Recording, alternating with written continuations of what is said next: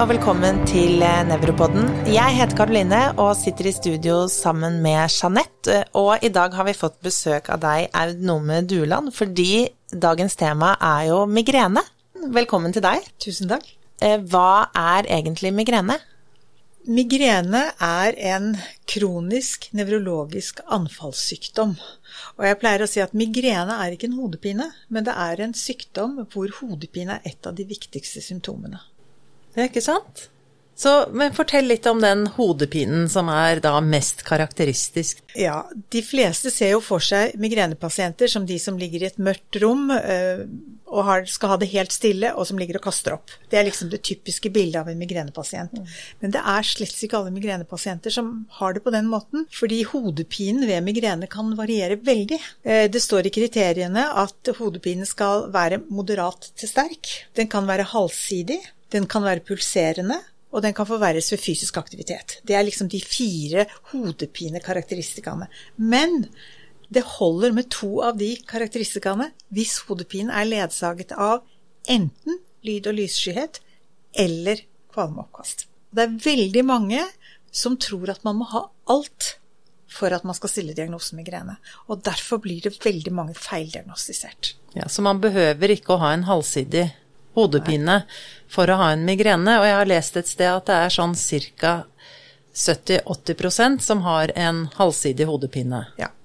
Og det varierer, og folk kan, hode, kan være halvsidig noen ganger, og så kan den sitte i hele hodet andre ganger. Og så kan den bytte side, både mellom anfall og under anfall. Sånn at hodepinen kan variere veldig, veldig mye. Og så er det én ting til som er viktig, og det er dette med nakkesmerter. Mange tror at jeg har det vondt i nakken, ja, da kan det jo ikke være migrene. Da må det jo være spenningshodepine.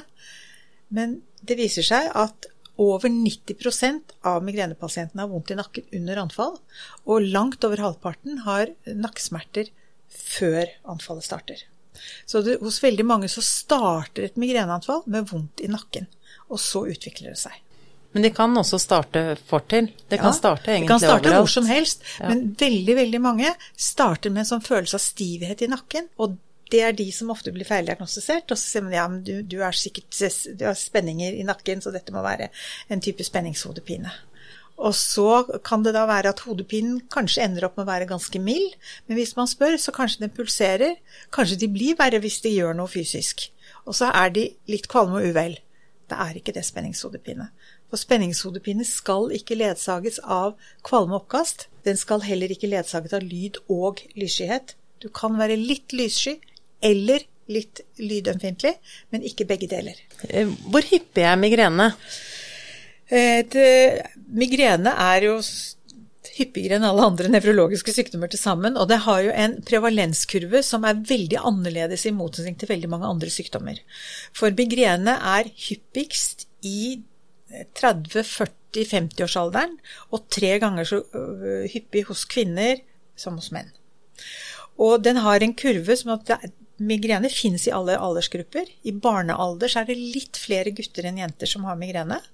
Men guttene kan vokse det av seg, heldige som de er. Mens kvinnene, når de kommer i puberteten, da kommer hormonene inn som noe som forstyrrer, og som kan være en veldig trigger for migrene.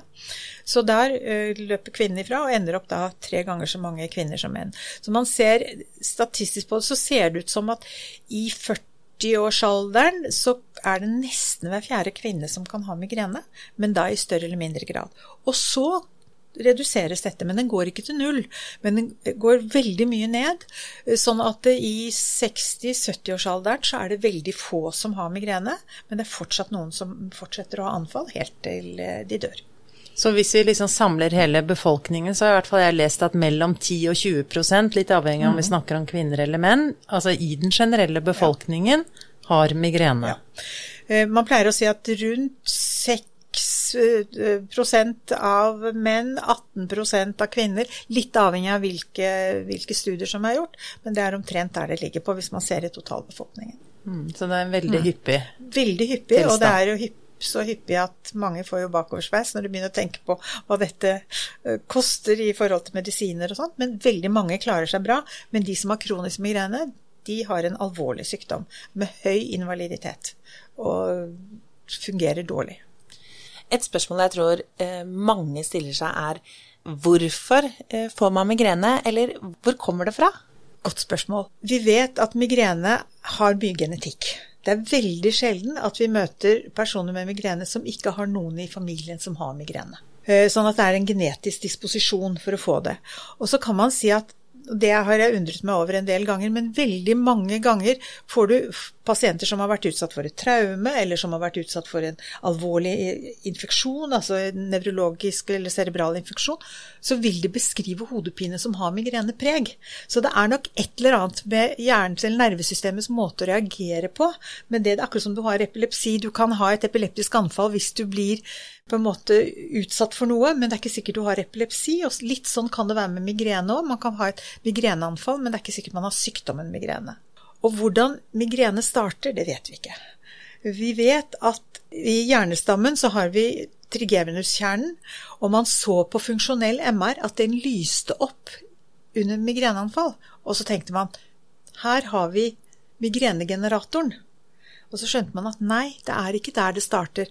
Men kanskje det er en moderator i migreneanfallet. Så altså trigenuskjernen er veldig, veldig viktig. Og det første relestasjonen reléstasjonen på vei inn i sentralnervesystemet for disse sensoriske impulsene og smerteopplevelsen. Så det er Man trodde at migrene var en vaskulær sykdom, men det er det nok ikke. Det er mer man har snakket om en nevrovaskulær inflammasjon. Noen mener at det er mer en, en nevrologisk irritasjon. Altså du får utskillelse av eh, transmittorsubstanser som gir en slags inflammasjon i karveggen, men ikke slik at lumen blir mindre, men du får en inflammasjon, og at det er med på å trigge smerteimpulsene. Men hva som skrur det på Mye usikkert, da. Altså, man, man vet egentlig ikke. Nei. Vi vet ikke nok om det. Men vi vet mer og mer, og dette med CGRP er jo et av de viktigste signalmolekylene, så langt iallfall, i forhold til det å eh, produsere smerte. Ja, og da bare må jeg igjen si hva det står for. Kalsitonin, eh, gene eh, related peptid. Ja. Kalsitonin genrelatert peptid, og det er ikke et veldig stort peptid. Det er eh, ikke så veldig mange aminosyrer, men det er et viktig peptid. Det ble oppdaget så tidlig som i ja, Første publikasjonen var vel i 87 eller 88. Og da foreslo man at kanskje dette var noe man kunne bruke i behandling. Og det har tatt oss over 30 år før vi nå har medisiner som er spesifikke. Mm. Hvis vi skal gå eh, tilbake til det kliniske bildet, eller diagnostikken, da. Mm. Vi har jo eh, noen spesifikke diagnosekriterier. Eh, kan du ta oss gjennom de, og da tenker jeg mest på eh, migrene med aura og migrene uten aura? Eh, det jeg nevnte først, var migrene uten aura. Der har vi disse spesifikke kriteriene til hodepine, karakteristika og tilleggssymptomer. Med de fire forskjellige eh, karakteristikene ved hodepinen, eh, moderat eh, til sterk, halvsidig, pulserende, forverrelse fysisk aktivitet, og så lyd- og lysskyhet og eller kvalme. Oppkast. Det er migrene uten aura. Og der har diagnosekriteriene vært helt uendret fra man fikk internasjonale diagnosekriterier for migrene. Når det gjelder migrene med aura, så er de litt mer kompliserte, fordi der er det nå inkorporert alle disse forskjellige typer aurafenomener man kan ha. Du kan ha visuell aura, du kan ha sensorisk aura, du kan ha taleforstyrrelser, du kan ha hjernestammeaura, du kan ha motoriske uh, symptomer, og du kan ha uh, det vi også kaller retinal migrene, som er ekstremt sjelden, hvor du har symptomer bare fra ett øye. Hvis jeg kan bare pirke litt på eh, akkurat auraen, altså visuell aura, mm. der er det jo mm. mange som beskriver en sånn type eh, sikksakk-fenomen. Mm. Men sensorisk aura, eh, hvordan opplever pasienter sensorisk aura? Både visuell og sensorisk aura har både positive og negative eh, fenomener. Og det positive er at man, man ser noe når det er visuell aura som ikke er der, at man har, ser lysglimt og, og flimring osv. Sensorisk aura er at man kjenner liksom parestesier, og man kan kjenne nummenhet. Og det er prikkinger veldig, og prikkinger og mm. stikkinger, og de kommer gjerne startet distalt, og så går de proksimalt. Er det forskjell på om Opplever mange at de kommer i armene eller bena? Ja, det er mest i det ansiktet, og så er det mest armene oppover. Og det er hastigheten på hvordan dette utvikler seg, det er akkurat den samme hastigheten som man kan måle ved cortical spreading depression, som er en depolariserende bølge som går over hjernebarken, starter oksipitalt, og så går den framover. Og som regel så stopper den depolariseringen ved sentralfuren. Derfor så er det mange færre som har motoriske fenomener, enn at de kan ha en del andre, eh, andre fenomener med visuell og, og, sensorisk og taleforstyrrelser. Og så nevnte du eh, motorisk aura. Det er som ordet sier, det er motoriske utfall, altså hvor man blir, blir svak, altså blir muskelsvak og tyngdefølelse, og gjerne halvsidig. Sånn hemipreg over det. Hemiplegisk migrene. Og det er en helt spesiell gruppe.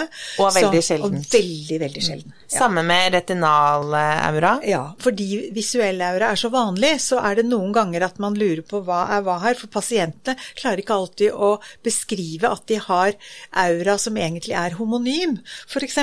Sånn at det, det, da å vite at dette skjer bare i ett øye, det er, så det er litt sånn triks for å undersøke det. Men retinal migrene, det er synsforstyrrelser kun fra ett øye. Veldig, veldig sjelden. Så de fleste har en visuell aura som egentlig er symmetrisk, altså lik. Og hjernestammeaura, det nevnte du også. Der kan det jo være eh, svimmelhet, det kan være Noen kan jo bli dårlig, noen kan, kan Det var det de gamle dager kalte basilarismigrene, så man var veldig redd for at uh, her kunne folk besvime, her kunne det bli uh, risiko for vaskulære hendelser, og det viser seg jo heldigvis ikke være tilfellet, da vi rykker tilbake, for det, de to eh, absolutt vanligste auraene, det er jo visuell og sensorisk ja. aura. Men allikevel så er aura sjelden i forhold til migrene uten aura. For migrene, altså auraanfall, er kun en 20 av totalt antall migreneanfall. Sånn at det å tro at alle har aura, det er ikke riktig. Så det er veldig få som egentlig har migrene med aura. Men det er mange som tror at hvis du ikke har aura, så har du ikke migrene. Det er veldig mange pasienter som blir fortalt at du har ikke aura, så da kan det ikke være migrene. Hvilket er helt feil.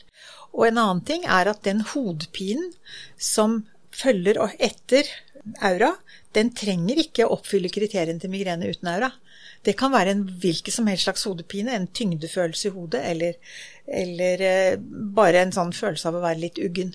Og noen har ikke hodepine i det hele tatt. Så man kan ha migrene med aura uten hodepine. Og det er helt tydelige kriterier på det i diagnosekriteriene, at man skal oppfylle tre av seks kriterier. Hvordan auraen utvikler seg, at den kommer etter hverandre, hvor lenge den varer, og dette med hodepine og etterpå. Og man må oppfylle tre av de seks kriteriene for å kunne kalle dette migrene med aura. Mm, og det er det at du, du sa det at den sensoriske fornemmelsen, den sprer seg. Ja. Alt skal ikke komme nei, på en gang, nei. for det er et varselsignal på noe annet. Ja, og det er det som er viktig, og det som er typisk for aura, er at den kommer gradvis. Den kommer krypende, på en måte, fra eh, gjerne perifert og går proksimalt, når du tenker på armen oppover, og så kan de ha det i ansiktet også. Eh, og visuell aura kan jo ofte starte sentralt, og så beveger den seg utover. Det er kjempefascinerende. Jeg har aura selv av og til, og det er veldig fascinerende, og man snakker om disse her fortifikasjonene, fordi det ser ut som en gammeldagse fort, hvor du ser dette her blinken som bare sprer seg utover den tiden det tar. Det er veldig fascinerende. Og aura skal vare fra 5 til 60 minutter. Riktig.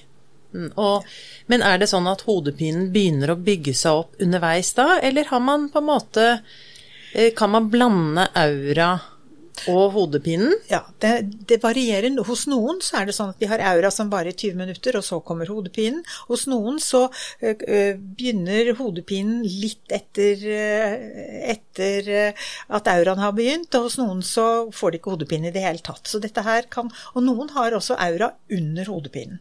Sånn at dette her er ikke likt Nei. fra person til person. Du sa det at migrene er mer enn hodepine. Yes. Og da må vi dele inn mm. eh, migrenen i fire faser. Eh, ja. Kan vi ikke gjøre det? Og så er det ikke det alle som har aurafasen. Nei. Aurafasen har ikke alle. Nei, men hvis, hvis vi sier fire faser, da, så er det noe som kalles en prodromfase. For den er ganske interessant, og mange som kanskje ikke kjenner så godt til. Og det er en fase som før så trodde man at den varte bare noen få timer. Det siste jeg har lest, er at den kan faktisk vare opptil i alle fall tre-fire døgn, hos noen kanskje enda lengre, og at ting bygger seg opp. Og da kan man kjenne på at, at det er et eller annet i gjære. Noen blir fysende på et eller annet, enten salt eller søtt. Og det er kanskje derfor sjokoladen har fått skylda for mye hodepine, noe som man absolutt ikke skulle ha. Eh, men fordi man får en craving for et eller annet. Det er i den fasen man kan bli mer irritabel. Noen føler seg ekstremt nedstemte og deprimerte, hele verden blir svart, og noen får angst. Og det kan jo være noe av dette med at denne assosiasjonen mellom migrene og angst og depresjon man har vært lite flinke til å spørre hvordan pasientene er mellom anfall. Sånn at en del av de er det knyttet veldig tett opp til anfall at anfallsprosessen gjør at man blir deprimert, og så kommer hodepinefasen. Så et eller annet, et eller annet som, som, man merker, så ja. det, det, kan man gjenkjenne litt ja. fra gang til gang? Er det de samme tingene som kommer for som, hver enkelt person, eller? Som regel er det det, men det interessante er at en del mellom anfall kan de fortelle om hvordan de er, men når de er i den fasen, så er det akkurat som de kognitivt ikke forstår at de er på vei inn i et anfall. Og det er noen da som, som, eh, hvis de blir minnet på dette av sine pårørende eller eh, familie og sier at 'nå tror jeg du får et anfall', så er det 'nei, jeg får ikke et anfall'. Altså da, de, blir, eh, de, de klarer ikke å skjønne. Og det, den kognitive påvirkningen ved migrene er ganske stor. Den er mye større enn det vi kanskje har tenkt og trodd. Og veldig mange sier at når du kommer over i denne hodepinefasen, og selv om hodepinen ikke alltid er veldig intens, så er det akkurat som hjernen ikke funker hatt tenåringer som sier at det, sier det, hodet mitt fungerer ikke, jeg skjønner ikke hva jeg leser, jeg, jeg, ser, jeg skjønner ikke skriften på skjermen, jeg, jeg klarer ikke å fungere. Interessant at det, at det, kunne være så mange dager òg. Mm. Enkelte rapporterer at det kan vare veldig lenge, men for de fleste så er det som regel dagen før hodepinen kommer, eller den dagen hodepinen kommer. For og, de aller fleste. Og i de fleste lærebøkene så står det én til to timer. Ja, og det er helt feil. Det er ja. altfor kort. Det er for kort. Ja. Og så står det også noen steder tørste. Ja, og fatigue, ja. sånn som du kanskje ja. beskriver også. Og så gjesping. Ja. Den der gjespingen, og det er mange som sier De kan ikke skjønne det, de er jo egentlig ikke trøtte, de har sovet godt og sånn, og så begynner det å mure i hodet, og så Og ja, selvfølgelig, det er derfor. Og så er det nakkesmertene. Så det er mer det er, Vi er litt tilbake til det at vi vet ikke helt hva og hvorfor migrenen kommer, men at det er et eller annet med nettverket i hjernen mm. og noen signalstoffer. Her er det noe endring. Ja. Ja, og så kommer aura, det har vi vært ja. litt igjennom, og så er det selve anfallet. Og da var vi litt inne på at det er forskjell på migrene og et migreneanfall. Jeg har hatt fire migreneanfall i løpet av livet, og jeg sier at jeg ikke har migrene. Ja, det er riktig. Man må ha hatt fem anfall av migrene uten aura for å få diagnosen migrene uten aura. Mm. Men det holder med to hvis man har migrene med aura. Er det over noe tidsperspektiv Nei. her? Nei, så i løpet av livet. Ja, Fem ja. stykker. Ja. Nei, så jeg har fortsatt ikke migrene. du får hatt migrene Enn så lenge. Enn så lenge. og så er det den uh, postdrome fasen, er det det det kalles? Ja, postromalfasen, eller mm. restitusjonsfasen liker jeg å kalle det. Fordi at det et... Men vent litt, vi må gå gjennom litt nøyere selve hodepinefasen. Eh, for hvor lenge varer den hodepinen? Det er et viktig, viktig poeng. Migreneanfall hos voksne varer normalt mellom 4 og 72 timer ubehandlet. Hos barn kan det vare kortere, og det er det viktig å vite. De kan ha kort, mye kortere anfall. Men hos voksne 4 til 72 timer. Og i den fasen der så er det da hodepinen som kan være, kan være veldig intens. Eh, noen må ligge mørkt og kaldt og stille. Jeg pleier å spørre mine pasienter hvis jeg er i tvil om lurer på er dette migrene, er det noe annet, så spør jeg hva gjør du når hodepine er på det verste? Nei, da må jeg legge meg, legge meg mørkt, kaldt og stille. Og det er jo et veldig sånn typisk tegn for migrene òg, ja. at det er dette Når hodepine er på det verste. Ja, ja. At de må ligge i mørkt rom er jo en sånn Det er det, men, men man må ikke det bestandig. Men, men, det er viktig, og da å se mange kommer til meg og sier at ja, jeg har én hodepine som er migrene, og så har jeg en annen hodepine som er annerledes, og så får du de til å beskrive symptomene, og så viser det at den hodepinen som de ikke tror er migrene, den har både lyd og lysskyhet. Og de, enten er det pulserende, eller det forverres ved fysisk aktivitet, eller den er halvsidig. altså sånn Den har migrenekarakteristikkene, og da er det også en migrene. Men den er ikke så kraftig at de må legge seg. Og hvis vi går da, for nå har vi tatt denne hodepinefasen, eh, og så er det neste fase. Og det er den postromale fasen. Ja. Den liker jeg å kalle restitusjonsfasen. Eh, fordi at det å ha et migreneanfall, det er ekstremt slitsomt. Og man trenger tid på å komme seg i etterkant. Og i den fasen der så skal liksom kroppen og alt normaliseres. Noen får ekstrem vannlating i etterkant. Noen føler seg slitne og deprimerte. Andre kan føle seg helt hypre og skal alt, gjøre alt det de ikke fikk gjort når de var dårlige. Sånn at der eh, Noen kan faktisk bli mistenkt for å være bipolare, for at de går helt ned like før migreneanfallet, og så går de rett opp etterpå. Men, og den fasen kan også ta ganske lang tid. Når man snakker om hvor mange hodepinedager folk har, så er det mange som ikke regner med den, men de er helt ute av stand til å fungere godt. Men de har jo ikke vondt i hodet, så da tror de at alt er bra. Men de trenger faktisk å restituere seg. Men her eh, kan også folk ha cravings. Vanligvis ikke så mye som det er egentlig i, i før anfallet at en craving er mest uttalt.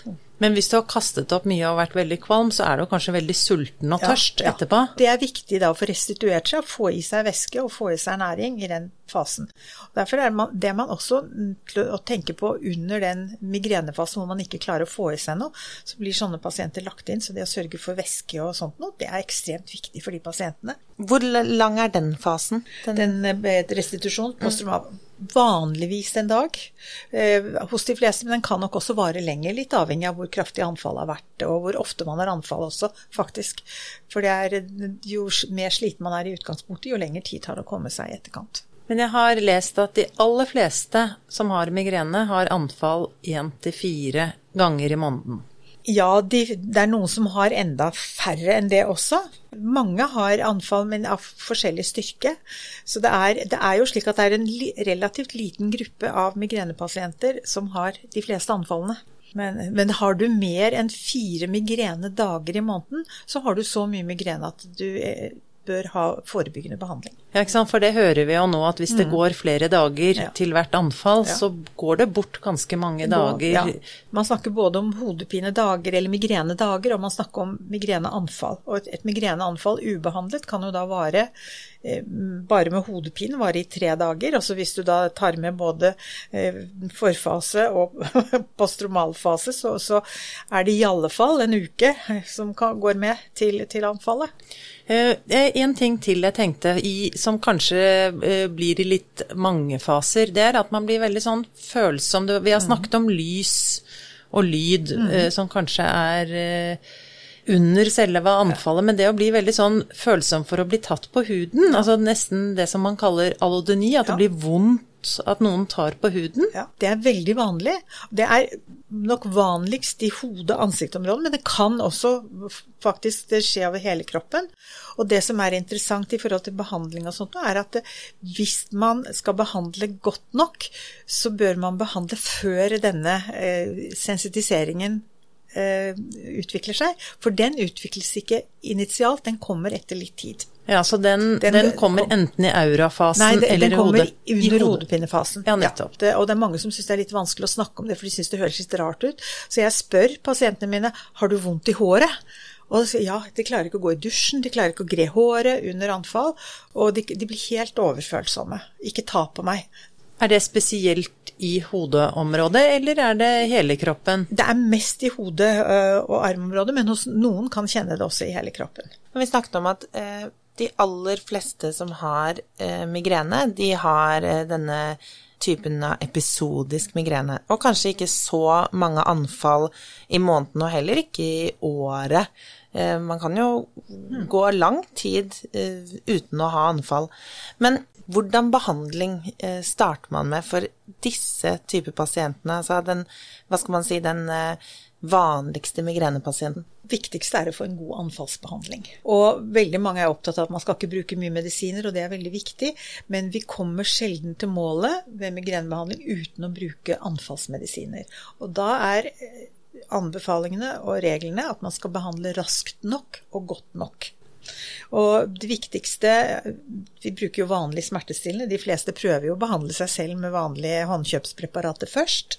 Og hvilke er Ibux vi snakker om? Ibux, Paracet det, Hos noen kan det være tilstrekkelig. Hos de som har et sjeldent anfall i ny og ne, kan det være nok. Søvn er god behandling. Eh, men har man hyppigere anfall, og anfall som ikke er godt nok behandlet med Ibux og Paracet, så kan man bruke Så er det jo triptanene, som jo er den eh, spesifikke migreneanfallsmedisinen som kom for nå ca. 30 år siden på markedet, og som revolusjonerte egentlig migrenebehandlingen, og også egentlig forståelsen av hva migrene var.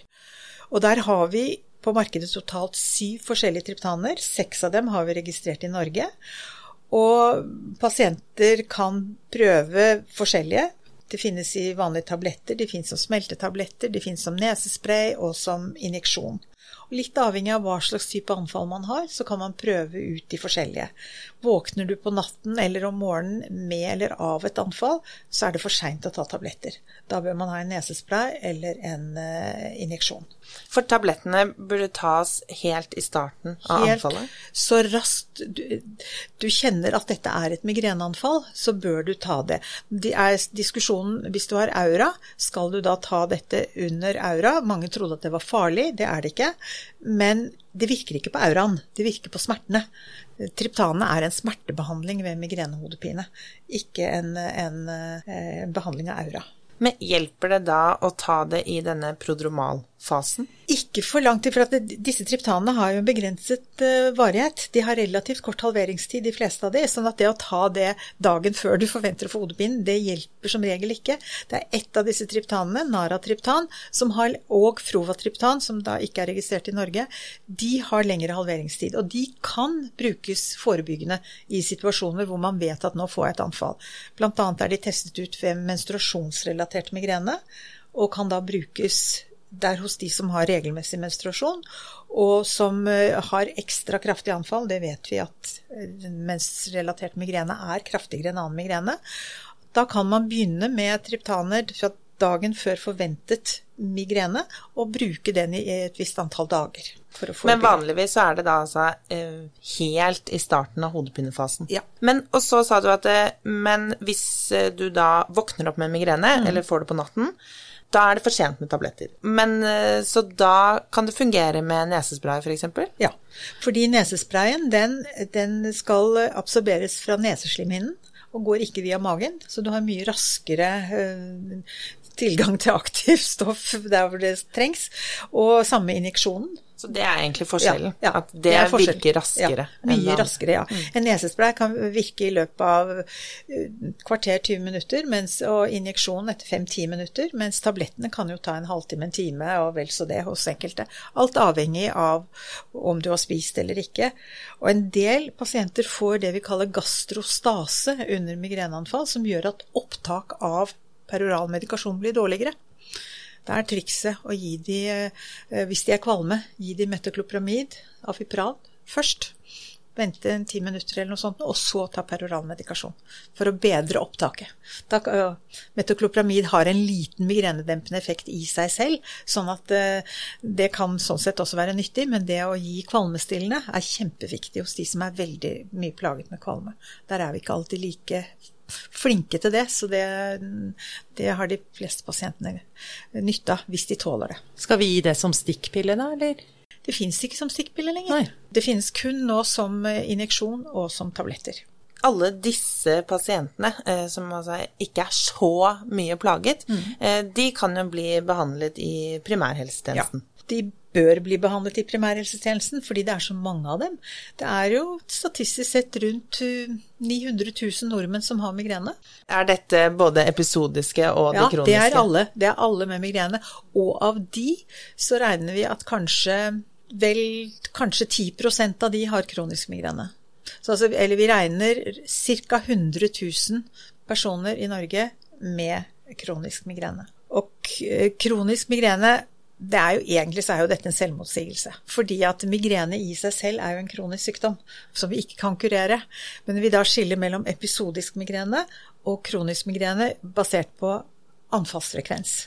Og da snakker vi om episodisk migrene dersom man har mindre enn 14 dager med migrene, eller hodepine og migrene i måneden.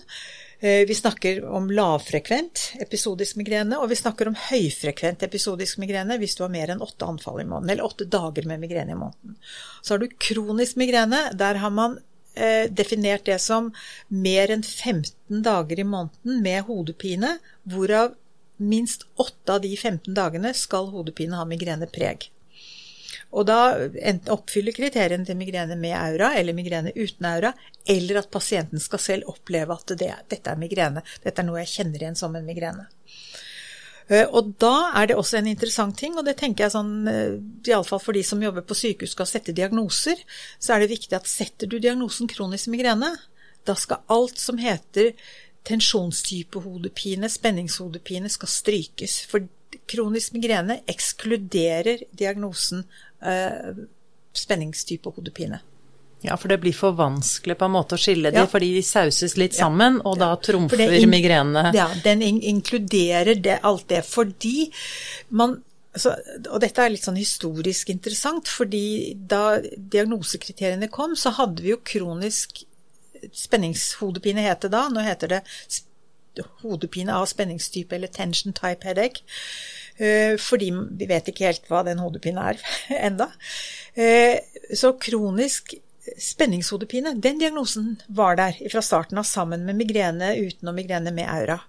Og så begynte man å se på tertiære hodepineklinikker at veldig mange av de pasientene de fikk inn, kom inn med denne eh, kronisk tensjonstype hodepinediagnosen. Og så begynte de å gå tilbake og se på utviklingen av hodepine hos disse, og fant ut at over 90% av de hadde tidligere hatt en episodisk migrene.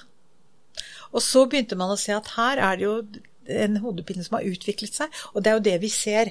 Veldig mange av disse pasientene som kommer til oss som jobber mye med hodepine, er jo pasienter som kommer med en hodepine som da ikke har vært diagnostisert. De har ikke vært erkjent at de har hatt en migrene i barneår eller ungdomsår eller sånn, og så har hodepinen ikke blitt behandlet, og så er den blitt forverret, og så ender det opp med å bli en kronisk migrene. Aud, jeg syns vi har eh, fått vite veldig mye interessant om eh, migrene i dag. Eh, er det noe du har lyst til å tilføye sånn helt til slutt? Jeg tenker det som er viktig, og det er det gjort studier på, det er når man får en pasient inn på kontoret som kommer med hodepine, og begynner å, å, å si at 'jeg har en hodepine som er plagsom', da skal man tenke migrene først. Man skal tenke migrene til det motsatte er bevist, og spørre seg selv hvorfor er dette ikke migrene? For kan du ikke svare godt nok på det, så kan du ikke svare godt nok på hva migrene er heller. Du må vite hva migrene er, og er, studier viser helt tydelig at de som oppsøker lege pga. en hodepine, de har migrene i over 90% av tilfellene. Og allmennlegene er veldig flinke til å diagnostisere migrene. De, når de tror det er migrene, så er det migrene i langt, jeg tror det er 4 eller 96% av tilfellene. Men hvis de ikke tror det er migrene, da tar de feil i godt over 80% av tilfellene. For da er det migrene likevel.